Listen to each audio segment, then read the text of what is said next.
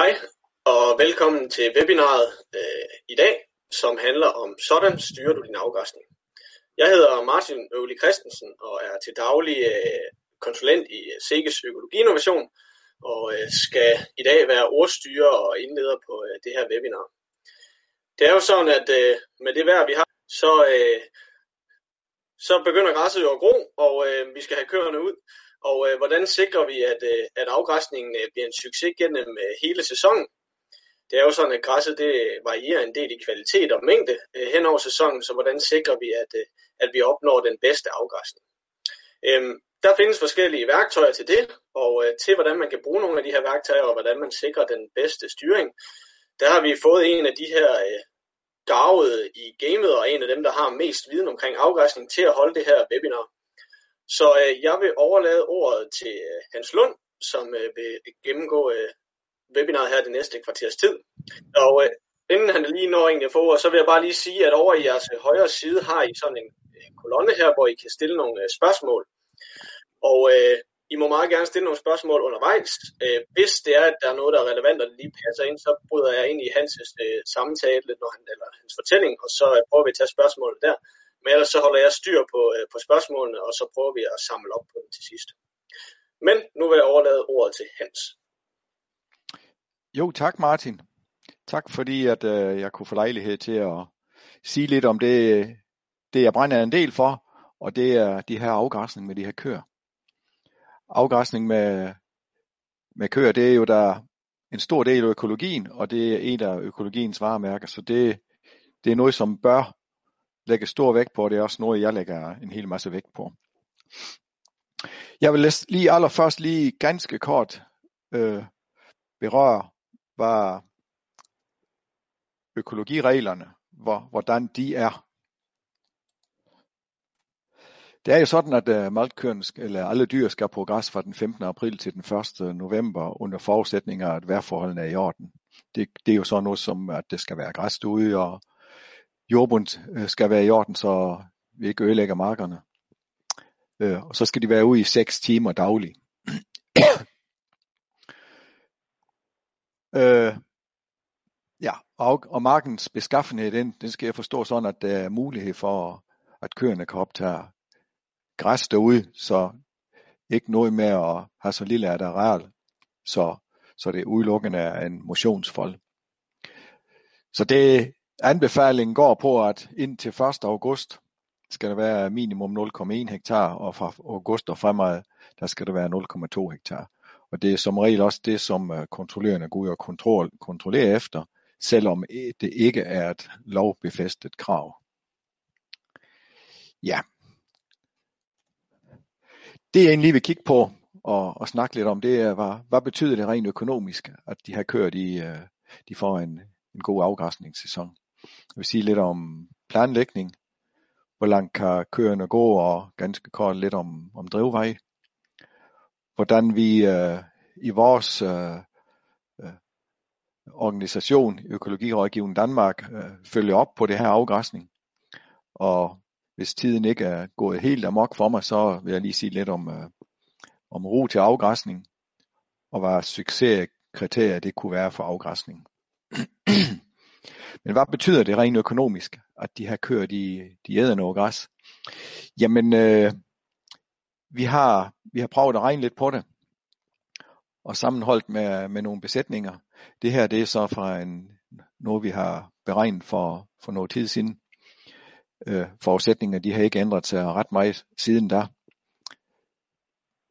Hvis vi prøver at kigge på, på de 5700 kilo tørstof, det er i, i udbytte per hektar, så ved, ved 5 kilo tørstof, så, så er det bundlinjen, vi har regnet på. Det er ikke, det er ikke dækningsbidrag. Vi har gået helt til bundlinjen og tager højde for, for ændringer i, i sædskiftet der. Og dermed også uh, forskellige udbytteniveauer i de forskellige afgrøder. Så der har vi en forskel på, på 50.000, hvis man går fra 5 til 8 kilo tørstof i afgræsning. Øh, 50.000 på 180 køer, det, det lyder måske ikke af, så vildt meget, men øh, det bliver der alligevel til noget, ja. Der, hvor det øh, betyder mindst lige så meget, det er, hvis, øh, hvis I, der kan gøres noget på udbyttesiden. Og det tror jeg egentlig mest på, at det er, det er der, alle kan gå ind og gøre noget med en effektiv styring af de her, her græsmarker. Der kan det gøres noget på udbyttesiden. Det er ikke alle, der har mulighed for at øge afgræsningen fra, fra 5 til 8 kilo tørstof. Men med et højere udbytte, så bliver det også mere græs til rådighed fra det samme areal. Så der er virkelig noget at hente ved at styre sin græsmark godt, og dermed få noget mere græs til de her køer. Der går så en planlægning ud på, jamen vi, vi står jo midt i det, eller lige efter det skulle have været planlagt, men øh, arrondering er jo af kæmpe betydning for, om det her det kan lykkes eller ej. Hvor, hvor stor areal er der til rådighed? Afstanden.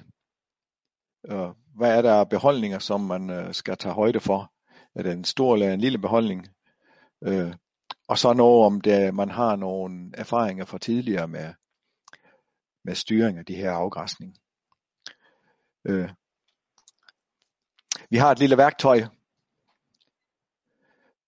hvor vi kan, kan planlægge øh, afgræsning, og her har jeg et eksempel med et udbytteniveau på 6.000, og det er nogle af det, vi har kilotørstof per hektar, det er nogle af det, vi finder i vores øh, eliteafgræsning, og en besætning på godt og vel gennemsnit, det vil sige et par, par hundrede køer. Og på den her bedrift er det 35 hektar til rådighed til afgræsning. Og øh, hvis vi tager det hele med fra start af, så, så kan det i det her eksempel, så kan det, kan det blive øh, 8 kilo tørstof per ko. og så i, i vores værktøj her, der kan vi øh, kigge lidt på, hvad, hvad kan vi gøre for at skaffe noget hviletid i, i græsmarkerne, og hvor mange folk skal vi så have, og hvor store skal de være. Så det, det kigger vi også lige på og får en diskussion omkring. Som I kan se, så har vi jo 35 hektar til rådighed i, i maj måned, og der tager vi egentlig det hele ind, som er til rådighed på den her bedrift. Og i juni, der har vi et mindre areal, og det er fordi vi egentlig går ind og siger, at vi, øh, vi vil gerne tage noget fra til, til slet i, i juni. Så på den her bedrift, der har, der har det været sådan, at det var en forholdsvis stor mark, der vi tog fra, og så kom det noget ro ind til afgræsning med, med et lidt mindre areal, så derfor reduceret areal i, i øh, juni måned. Men det er noget, man kan gå ind og, og simulere med, og, og prøve at regne frem og tilbage på. For at opnå en, en høj græsoptagelse, så, så er det med at komme øh, godt fra start, og, og starte på et forholdsvis højt niveau. For vi, i, det er sådan, at øh, græsoptagelsen den øh, helt naturligt den falder hen over sæsonen i langt de fleste besætninger. Græsproduktionen i marken falder også, når vi kommer ind i juli og august måned. Så hvis man vil have en høj græsoptagelse, så er man nødt til at lægge hårdt ud. Så I kan også se, hvis øh, vi har 8 kg tørstof, den røde kurve, øh, som gennemsnit, så, så skal I starte på en 11-12 stykker for at kan nå det. Og en 7-8 stykker for at nå de 5 kg tørstof. Så det er virkelig vigtigt at få, få startet godt. Så er det afgræsningens grundlov. Græsset har jo en, en vis evne til at, til at producere, og hvis vi, vi, jeg håber I lige kan se, hvordan jeg kører med, med min mus, at uh, bruttofotosyntesen, den er jo meget, meget høj i, i en græsmark, der er, der er i god vækst. Vi har væksten øh, opad helt op til en 300-400 kilo tørstof. Og her nederst, der har vi så et bladareal indeks, og der har jeg forsøgt at sætte nogle, nogle højder på i forhold til det. Så jeg kan nok se, at ved, øh, ved et lille bladareal, eller en lille græshøjde, der er produktionen eller ånding, bruttofotosyntesen, den er betydeligt mindre, som hvis vi kommer op og, og har noget, noget længere græs. Så bruttoafgrødeproduktionen, den kan godt være op imod øh, et par hundrede øh, kilo tørstof om dagen, hvis græsset får en vis længde. Øh, så er det jo lige foderoptagelsen øh, hernede i det grønne område, hvordan den er i forhold til, til græshøjde. Og øh, ved en græshøjde på en 6 til en 8-9 cm, der er det noget, der tyder på, at øh, øh, det kunne være den største græsoptagelse. Og det er jo et under det her eksempel, det er, hvis man øh, afgræsser i en reguleret storfold, så vurderer vi, at optimal græshøjde, det er fra en 6 til, til 8 cm. Dermed ikke sagt, at øh, reguleret storfold er det, jeg anbefaler sådan generelt. Men bare lige for at vise, at græshøjde betyder virkelig noget for, for den produktion, den bruttoproduktion, det kan være ude i marken. Og det skal man have for øje. Jo kortere græs man har til sin køer, jo dårligere vil produktionen være ude i marken. Øh, hvad har vi i værktøjskassen? Jamen, øh, der er jo sådan nogle græsmålere, som kan give et bud på, hvor, hvor meget græs står det ude i marken. Og så kan man så forsøge at kalkulere, hvor, hvor meget skal jeg sætte af til køerne, eller hvor meget skal jeg få ind, ind på staljer. Så her har jeg skrevet til at må skrive støvler. Der er jo nogen, de slår en streg på deres støvler, og så øh, forholder de sig til fra dag til dag, eller hvor, hvor meget græs det er. Om det bliver mere eller mindre, når, når det lige går en tur ude i marken. Og så øjne og sund fornuft. Det er jo en god ting at have med sig. Men lige tilbage til, til græsmåleren. Jeg mener, at det er et rigtig godt værktøj, hvis man øh, afgræsser i et, i et foldsystem. Alle marker kan af gode grunde ikke være, være lige store. Alle marker kan af gode grunde ikke øh, producere det, det samme dag på, på samme dag. Der er forskellige øh, øh, årgange af de her græsmarker, og dermed producerer de ikke det samme. Så græsmåleren kan godt være et godt værktøj til at, at få den rigtige rotation i afgræsningen. den giver, kan give et bud på, hvor meget græs er det i den enkelte mark, og hvis så lige sammenholder det med areal, så øh, kan man øh, få et bud på, hvad afgræsningsrækkefølgen skal være. Og jeg mener, at øh, hvis det virkelig skal, skal rykke noget, så, så skal man gå en tur over sin afgræsningsmark en gang om ugen. Man skal under alle omstændigheder holde øje med sine græsmarker. Mindst en gang om ugen skal man gå en tur. Ellers så har man ikke det rigtige indtryk af, hvad der sker ude i marken. For når man først begynder at reagere, når man kan se det i mælketanken, så er man nu bagefter.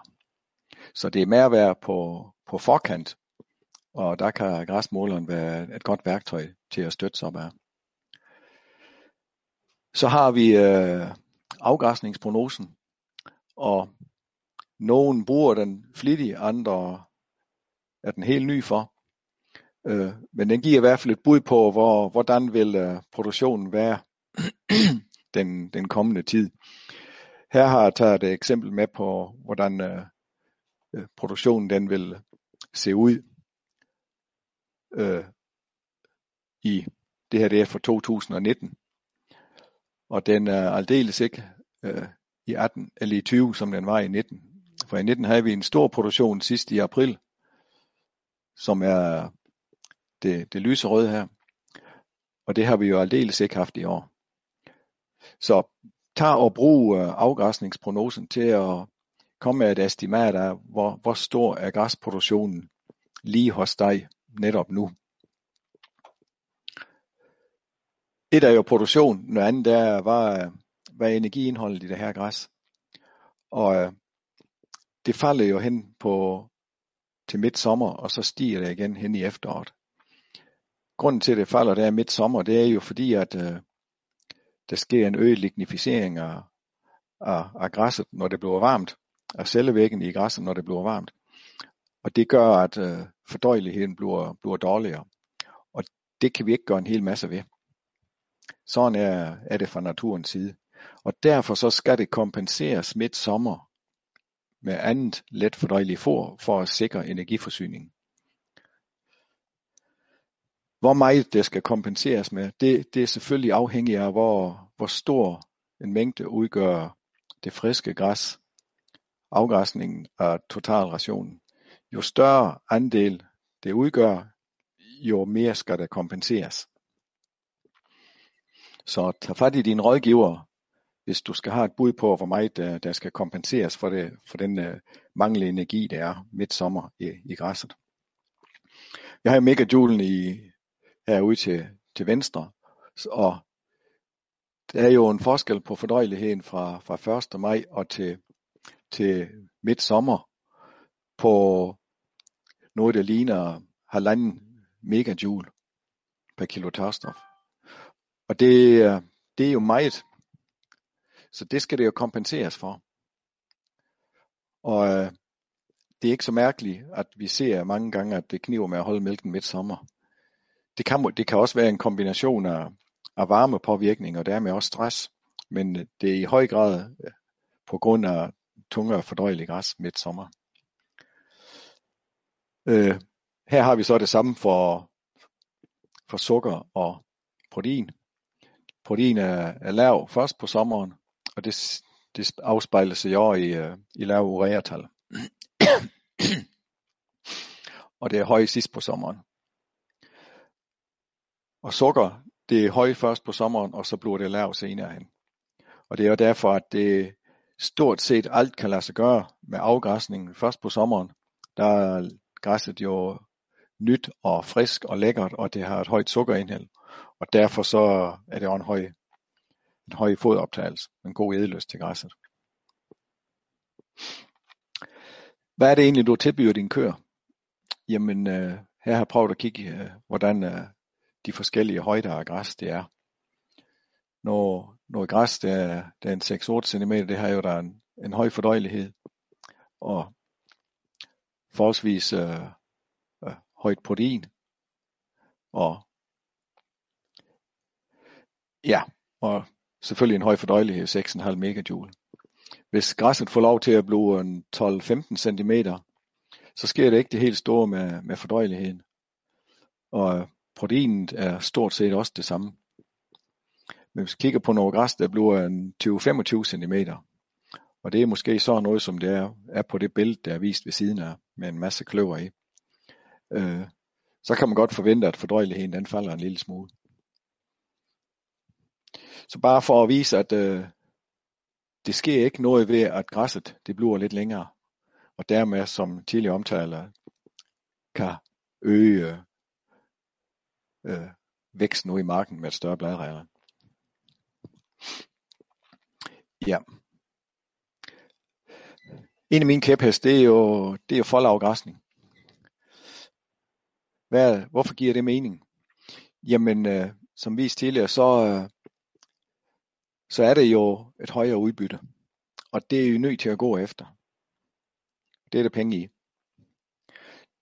Jeg vurderer, at det er nemmere at styre hen over sæsonen, når man øh, forlavgræsser. Det er en mindre tørkefølsom,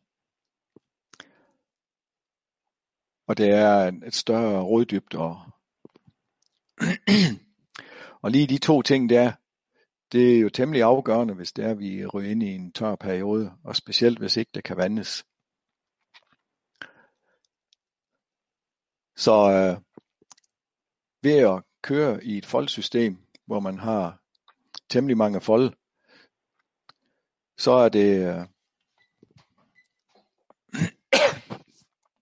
så har man en buffer foran sig, og så vil man have noget græs i en længere periode fremadrettet selvom det bliver tørt. Og så har man en, noget længere tid til at reagere øh, med de rigtige tiltag.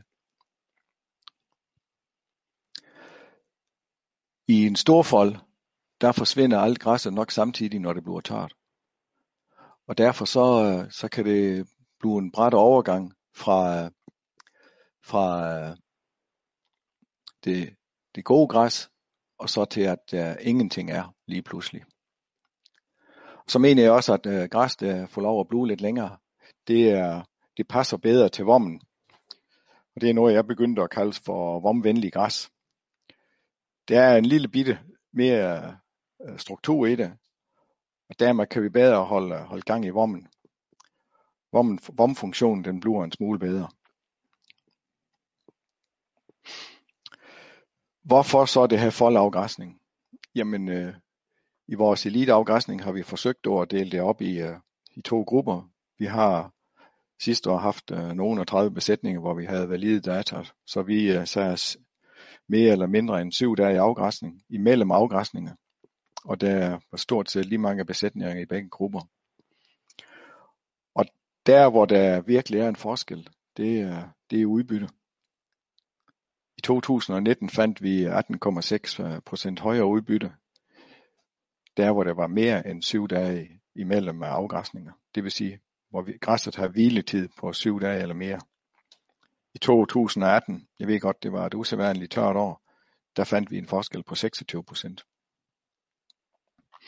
Vi også så en større foroptagelse i de besætninger, hvor, hvor der var en, øh, en længere hviletid. Men det behøver nødvendigvis ikke have noget med hviletiden at gøre.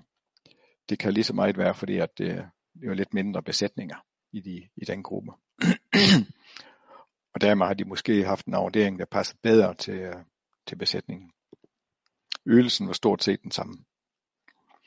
Så det har været lidt, lidt større areal per, per ko i de besætninger, hvor der har været det højeste udbytte. Hvad gør man i andre dele af verden? I Danmark er det jo ikke blevet lavet en hel masse forskning de sidste mange, mange år. Øh, jeg håber snart, der kommer noget.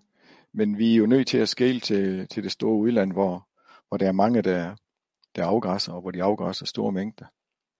Så øh, der snakker man slet ikke om, øh, om storfoldsafgræsning. Der selv snakker man om foldafgræsning, og det, det, der bliver beskrevet, det er jo, at man sikrer en høj produktion i marken, og køer kan optage en større mængde. Det er skånsomt for marken, bedre genvækst, og så, så er det maks et døgn per, per mark.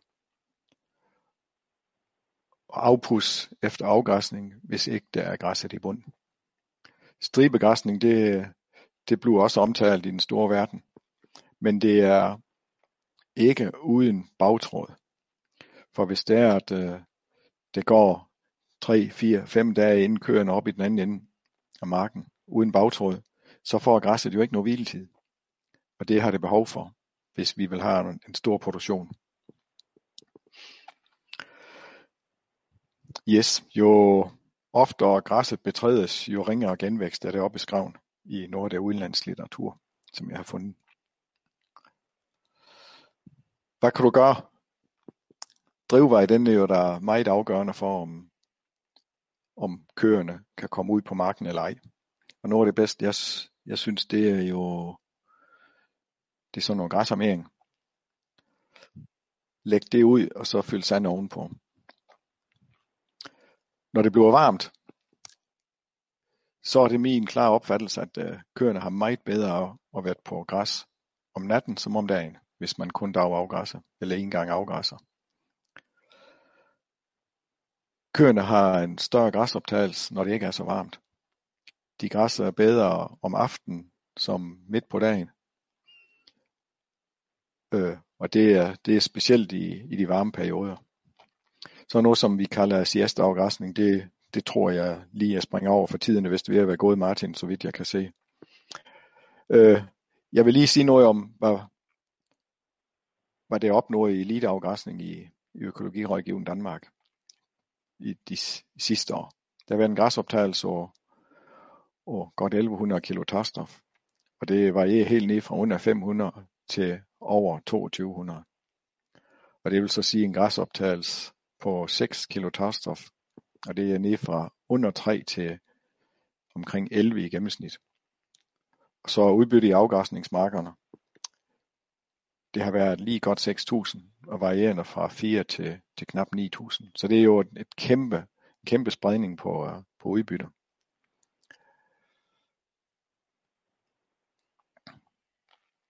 Jep, udbytter, og der imellem afgræsning. Det er jo en klar tendens til, at øh, der er, at højere udbytter, jo længere hviletid af græsset det får. Det er ikke noget statistisk sikkerhed i, i det her. Vores materiale er for lille til at, til, at vi kan lave det. Men det er en klar tendens til, at længere hviletid giver højere udbytter.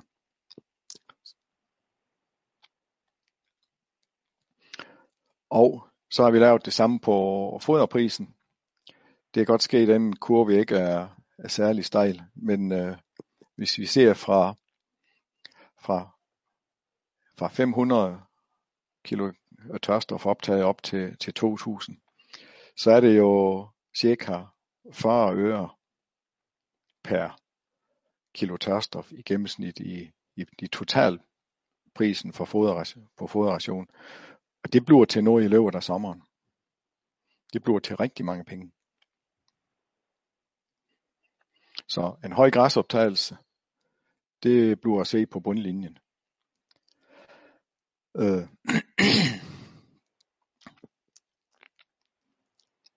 ja, jeg tror vi skal til at gøre færdig. Glem nu ikke kvierne her en lille tabel. Jeg mener det her webinar det er tilgængeligt bagefter på, på Sikkes hjemmeside.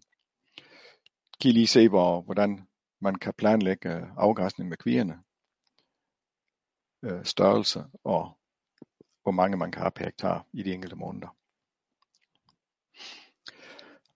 Eliteafgræsning nævnte jeg lige før. Hvad er det for noget? Vi, øh, der laver vi en god planlægning, og vi følger op på afgræsning. Vi laver foderkontroller cirka et par gange om måneden, og så laver vi noget, noget benchmark. Og benchmark er et, et godt værktøj til at sige, hvor, hvordan ligger man i forhold til, til kollegerne. Vi ser på afgræsset areal og udbytte og øh, græsoptagelse. det er jo uoverskueligt noget det her, så jeg går videre til, til benchmarken. Her har jeg et eksempel med, på en besætning, hvor vi er den gjort op i oktober, den 8. oktober, og der er man lå øh, meget langt i afgræsningssæsonen, men den her besætning ligger stadigvæk på, på 4,7 kilo tørstof. Og her sammenligner vi så besætninger, den her besætning med besætninger mellem 150 og 350 køer, og med ydelse mellem 10 og 12.000 kilo EKM. Stor race og konventionel malkesystem. Så den her besætning der har vi så en sammenligningsgruppe på, på seks besætninger, hvor vi, hvor vi sammenligner med. For øh, vi har i hvert fald erfaring for, at der er mange, der gerne vil have nogen at sammenligne sig selv med. Hvordan øh, går det i min besætning i forhold til, til en sammenlignelig gruppe. Og så over til, til højre, der har vi alle de besætninger, der er valide data på, med, med gennemsnit og med min og max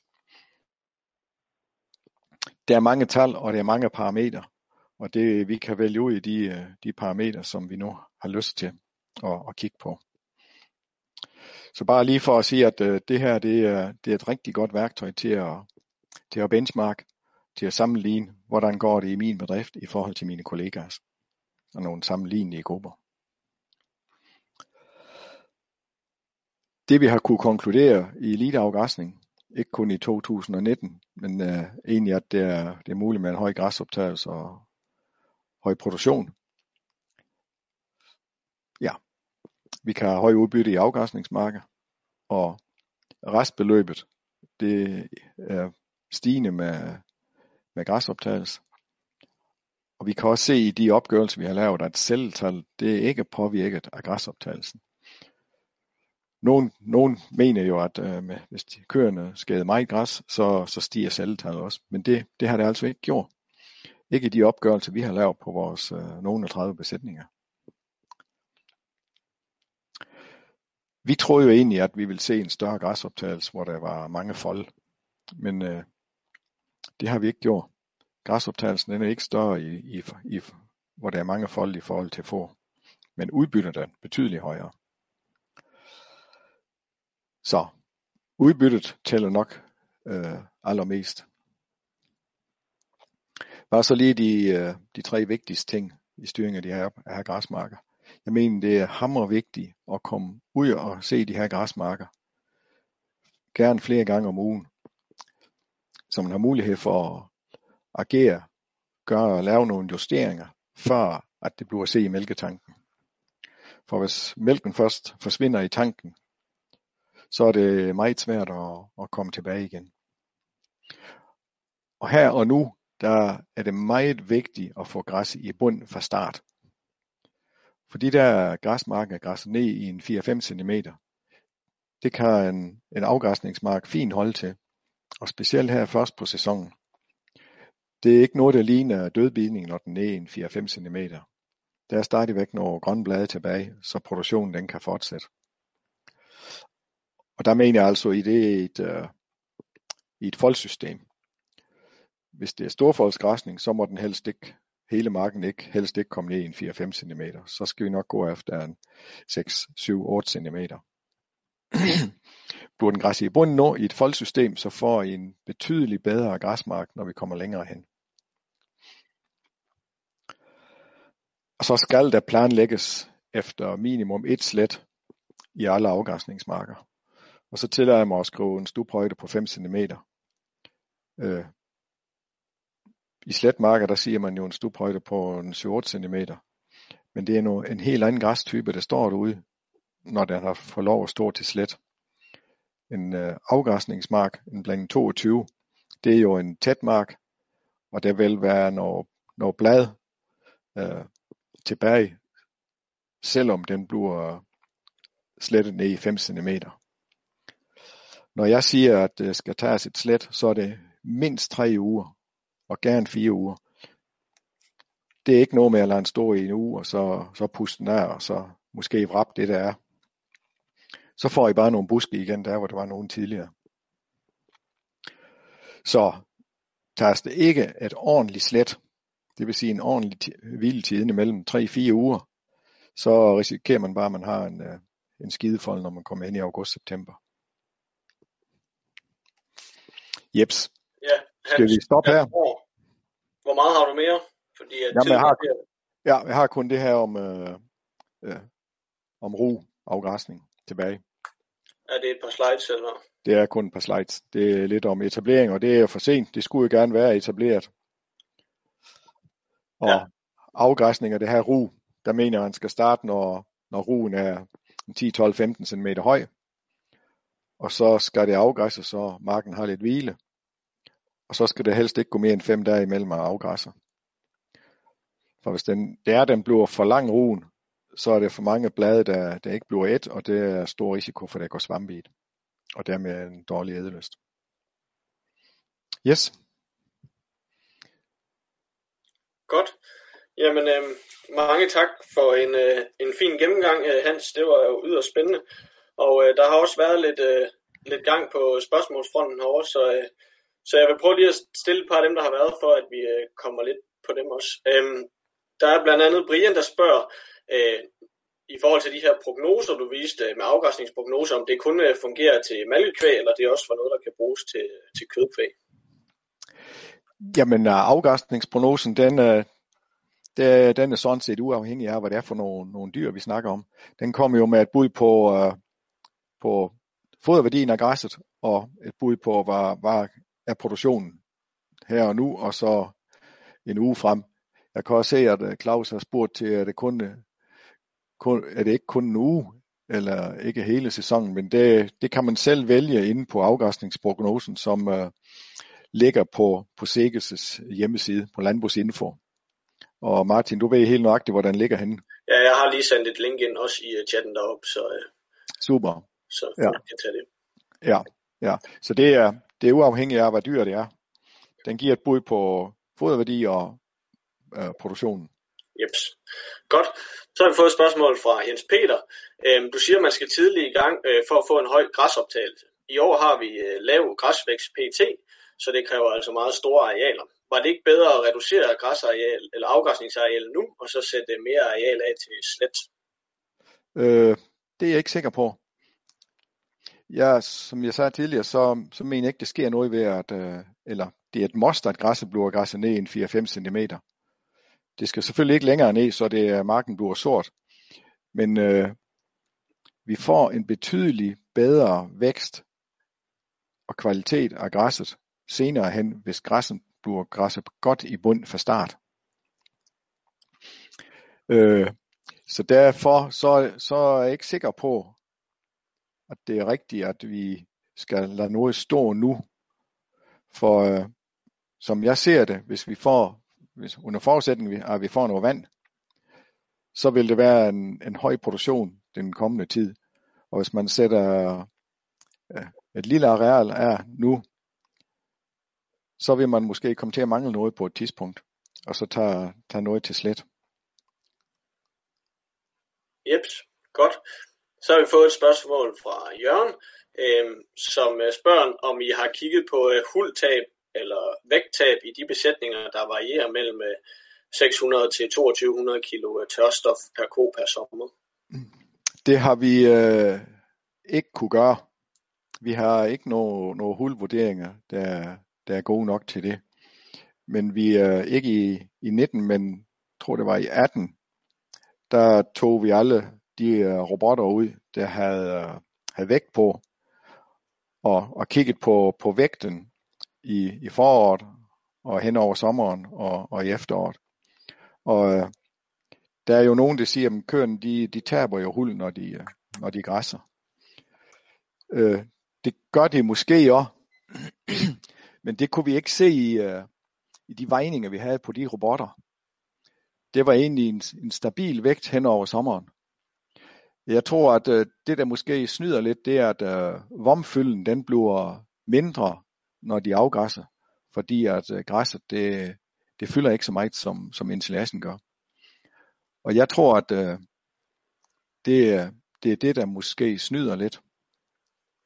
Jeg har hørt den før, og det er, det er der nogle dyrlæge, der, der mener, at øh, køerne de taber så meget om sommeren. Men det har vi altså ikke kunne se i de besætninger, hvor vi har, har robotter, hvor, hvor der er vægt på. Godt, tak. Og så fik vi en kommentar fra Christine i forhold til det her med, du snakker om at bide det ned til de her 5 cm, øh, hvor at øh, i nogle områder af landet er der jo en stadig nattefrost, øh, som, hvor man måske skal passe lidt på. Det ved jeg ikke, om du har en kommentar til os, eller, eller det bare er, er fint, det som Christine har skrevet, så kan folk jo selv læse det. Jamen, øh, det er der nok en risiko, men øh, nattefrost, det jo nogle steder har det måske været øh, rigtig nattefrost, men ellers har det nok kun været rim på græsset. Der hvor jeg er kommet her den, den sidste uge, hvis det er det vi snakker om her. Tidligere der var det jo midt i april, 10, 5-10 april, der var det jo decideret nattefrost. Øh, det ser ikke ud som om det, det har haft en stor betydning. Jeg snakkede med en bedrift i går, hvor de startede omkring den 10. april med græs, og de er i gang med anden runde nu. Og de sagde, at det var en, en 12-15 cm græs igen på de marker, de afgræsset først. Så det, jeg er som ikke så nervøs. Godt. Jamen, øh, så tror jeg, at vi vil øh, runde dette webinar af. Og jeg vil sige mange tak for præsentationen, Hans, og tak til alle jer, der øh, lyttede med jeg håber, at øh, I fik noget ud af det, og så øh, håber jeg til at, at se jer igen til et øh, uh, SIGGES webinar senere øh, på sæsonen. Tak. Yes, selv tak.